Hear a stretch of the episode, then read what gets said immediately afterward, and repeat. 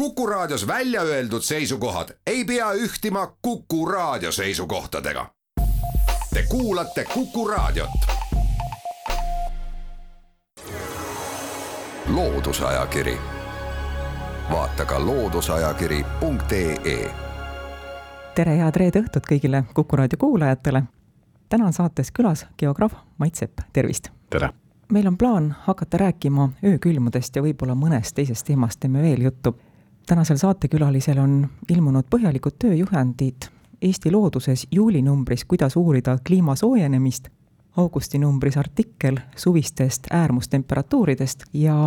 Eesti Looduse septembri numbris ülevaade hilistest ja varajastest öökülmadest, milliseid muutusi näitavad ilmastikuandmed. nii et me hakkame rääkima öökülmast, aga alustaks sellest, kuidas defineerida öökülma? noh, öökülma tavaliselt defineeritakse siis äh, õhutemperatuuriga, mis äh, maapinna lähedal peaks siis äh, langema alla null kraadi vegetatsiooniperioodi ajal, ehk siis sellel ajal, kui meil taimekasv toimub, et siis kui maapinna lähedases õhukihis on null kraadi, siis, siis on öökülm. kuidas öökülm tekib? no peamiselt on kaks võimalust, et esimene on see, et meile kuskilt põhja poolt tungib sisse äh, külmem õhumass, mis siis õhutemperatuuri ja, ja maapinna lähedase õhukihi temperatuurid alla viivad, ja noh, teine on siin sügisel üsna tavaline, et on niisugused äh, pilvitu taevaga ilmad, kus siis äh, öösel toimub kiirguslik jahtumine, ehk siis maapind jahtub ja, ja siis sellest tekib äh, niisugune null kraadi lähedane äh, temperatuur, noh tavaliselt äh, või tihtilugu ongi just äh, tegelikult öökülm tekib äh, nende kahe kombinatsioonis, et, et meil tulebki siis kuskilt põhja poolt külmem õhumass, mis on kuiv, mille tõttu meil ei ole pilvi ja siis öösel toimub selline eriti intensiivne jahtumine, et, et siis, siis on öökülm. öökülm on lokaalne tõesti, need sellised kiirguslikud öökülmad, ehk siis olukorrad, kus tähistaeva all äh, maapind ära jahtub, et need on tihtilugu lokaalsed. Ja noh, see olenebki nüüd siis pinnamoest, et äh, sellises äh, madalas kohas või orus on, on see jahtumine tihtilugu intensiivsem ja künka otsas või sellises avatud maastikul see niimoodi ei ole. Noh, see oleneb ka täpselt sellest, et eh, kuidas pinnas on eh, üles soojenenud ja kui kiiresti ta jahtub ja millised on mulla omadused ja kui niiske on muld näiteks, et, et noh, see oleneb niisugustest väga väikestest detailidest, aga tõesti võib olla niimoodi, et naabril on öökülm lilled ära võtnud, aga teil, kus te olete juhuslikult paremas kohas või õhtul näiteks lilli kastnud, siis öökülm nii ohtlik ei ole, aga noh, üldiselt kui ikkagi toimub äh, selline külma õhumassi sissetung, siis, äh, siis on need ohud äh, suuremad, öökülma risk suurem niikuinii igal pool. Eesti Looduse septembri numbrist te võrdlete Jõhvi näitel, mismoodi on öökülma oht muutunud ja, ja väga pika aja jooksul, peaaegu viiekümne aasta jooksul, tuhat üheksasada kuuskümmend kuus kuni tuhat üheksasada kakskümmend üks. kas need tulemused, mis te analüüsi tulemusena saite, kas need vastasid sellele, mida te ise näiteks olete tähele pannud? kirjutate artiklis, et teil on suvekodu jah, ei muidugi, selles mõttes, et eh, eks need Eesti looduse eh, artiklid ole sellised eh,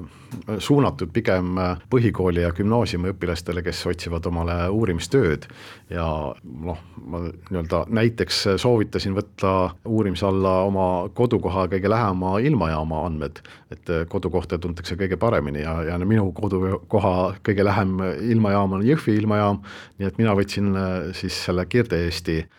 ilmastikuvaatluse alla,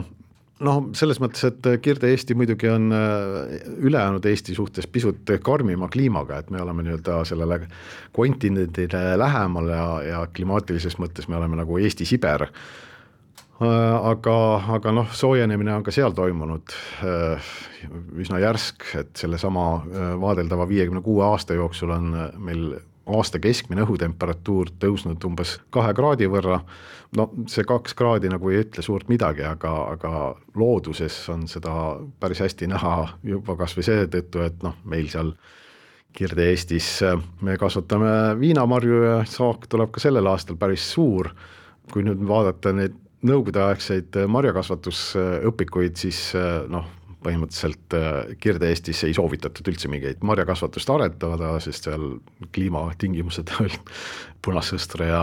aroonia ja muude niisuguste marjade jaoks üsna kehva. aga nüüd jah, viiskümmend aastat hiljem kasvatame viinamarju. kirjutate Eesti Looduses, et Jõhvi andmete analüüsid näitavad, et öökülmavaba periood on pikenenud, kevadel umbes nädala, sügisel vaata et paarikümne päeva võrra ilmselge on see, et Jõhvi tulemusi isegi mitte Mandri-Eestile ei saa üks-ühele üle kanda. aga kas selle trendiga saab arvestada ka Eesti teistes piirkondades? me oleme praegu Tartus, kas tartlane võib samuti mõelda, et hm, kevadel saan ma alustada aiatöödega umbes nädal aega varem, kui seda paarkümmend aastat tagasi tehti ja sügisel võib tartlane samuti loota, et öökülmade oht tekib alles septembri teises pooles jah, täiesti, et äh, Jõhvi on jah, ütleme niimoodi pisut karmima kliimaga kant Eestis, aga üldiselt Eestis äh, ei ole need äh, kliimaerinevused väga suured. noh, võib muidugi välja tuua siin ranniku-Eesti ja siis sisemaa Eesti, et seal on siis teatavad klimaatilised erinevused, aga noh, põhimõtteliselt on üle Eesti nii-öelda see öökülmavaba periood pikenenud noh, kolme nädala võrra või isegi kuu võrra üldiselt inimesed, kui kevadel aiatöid hakkavad tegema, siis nad ei mõtle selle peale, et noh, nüüd on kliima soojenemine ja nüüd võib nädal aega varem teha, nad ikkagi vaatavad konkreetset ilma ja, ja noh, tõenäoliselt vähesed, kes meist võib-olla niisugust ilmapäevikut peavad, et no nemad võivad tõesti öelda, et jah, et sellel kevadel ma panin kapsad nädal aega varem maha kui kakskümmend viis aastat tagasi et me tihtilugu neid äh, muutusi tegelikult ei äh, taju selles mõttes, et me ei pane tähele, et, et nüüd äh, sellel kevadel tegime nüüd midagi teistmoodi kui kakskümmend aastat tagasi või, või meie vanaemad, et me, meil sellist, inimestel tavaliselt sellist mälu ei ole ja tõesti, kui on päevik, siis võib sealt vaadata. aga noh, ilmselgelt need muutused on toimunud ja, ja, ja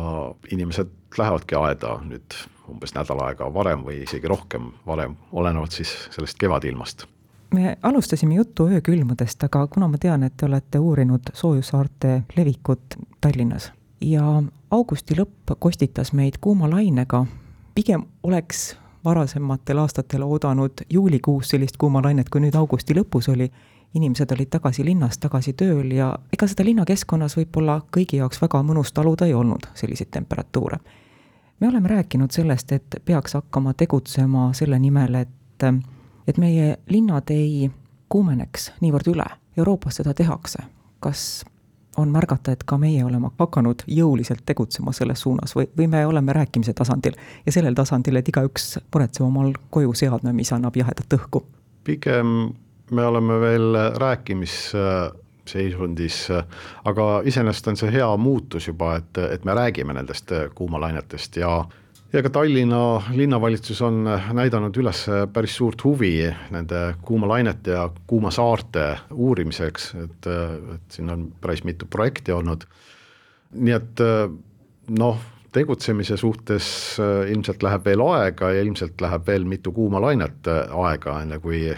valijad ja linnakodanikud hakkavad nõudma, et äh, linnavalitsus midagi teeks. sest noh, iseenesest käibki meil ju demokraatia olukorras niimoodi, et tegelikult linnavalitsus tegutseb siis, kui valijad nõuavad. jah, praegu on hea tõdeda seda, et äh, huvi on äh, tekkinud, halb on see muidugi, et need kuumalained on ja need äh, kuumalained ilmselt muutuvad tulevikus aina sagedamaks ja aina kuumemaks, nii et selles mõttes me oleme niisuguses noh, ütleme ettevalmistavas olukorras, et me veel midagi teinud või noh, kuskil näha ei ole, et midagi oleks nende kuumasaarte leevendamiseks ette võetud millised tegevused need peaksid olema, mida valijad peaksid nõudma? eelkõige ikkagi puid linna, et äh, igal äh, täiskasvanul puul äh, linnas on kohutavalt suur tähtsus, ehk eelkõige no, lihtsalt selle tõttu, et kui te kuumal suvepäeval üritate ühest kohast teise minna, siis puude varjus on seda kõige ohutum teha, puud lihtsalt varjavad seda teie eest päikest ja, ja nii kuum tänaval ei ole kui ilma puudeta pargid, hoidke parke iga hinna eest, noh muidugi üks selline natuke tehislik äh, meede on äh, igasugused purskkaevud ja, ja veekogud, äh, mis siis linna õhku kuidagi pehmendavad. muidugi see on nagu üks niisugune tänava pealt vaadatud meetmete ring, aga tegelikult on need kuumalained ja kuumalainete mõjud äh, suuresti sotsiaalsed probleemid, äh, nii et äh, kliima soojenemise jätkudes me nendest üle ega ümber ei saa, et siin tuleb ikkagi vaadata selle pilguga, et kuidas meie vanemad inimesed, kroonilised haiged ja väikelapsed nende kuumalainetega ajal hakkama saavad, et kas neil on keegi, kes jälgib nende tervist ja ja kas, kuidas meie sotsiaalvõrgustik töötab, nii et see ei ole ainult äh, puude ja purskkaevude ja asfalti küsimus, et see on tegelikult laiem probleemide ring ja tihtilugu just selline sotsiaalsete küsimuste ring, et kuidas me nende kuumalainetega tegelikult hakkama saame. Soojussaared linnas on selline teema, millele võiks keskenduda mõnes järgmises saates, aga täna Loodusajakiri lõpetab. Saatejuht Tiia Rööp tänab kõiki kuulajaid ja tänab külalist ja nii nagu geograaf Mait Sepp ütles, kirjutas ta Eesti looduse tööjuhendid, kuidas uurida kliima soojenemist või suviseid äärmustemperatuure või öökülmavaba perioodi pikkust, mõeldes eelkõige kooliõpilastele. aga neist võiks innustust saada kõik, kellele pakub huvi oma kodukoha looduses toimuvad muutused. meeldivat õhtut, jälle kuulmiseni! loodusajakiri, vaata ka looduseajakiri.ee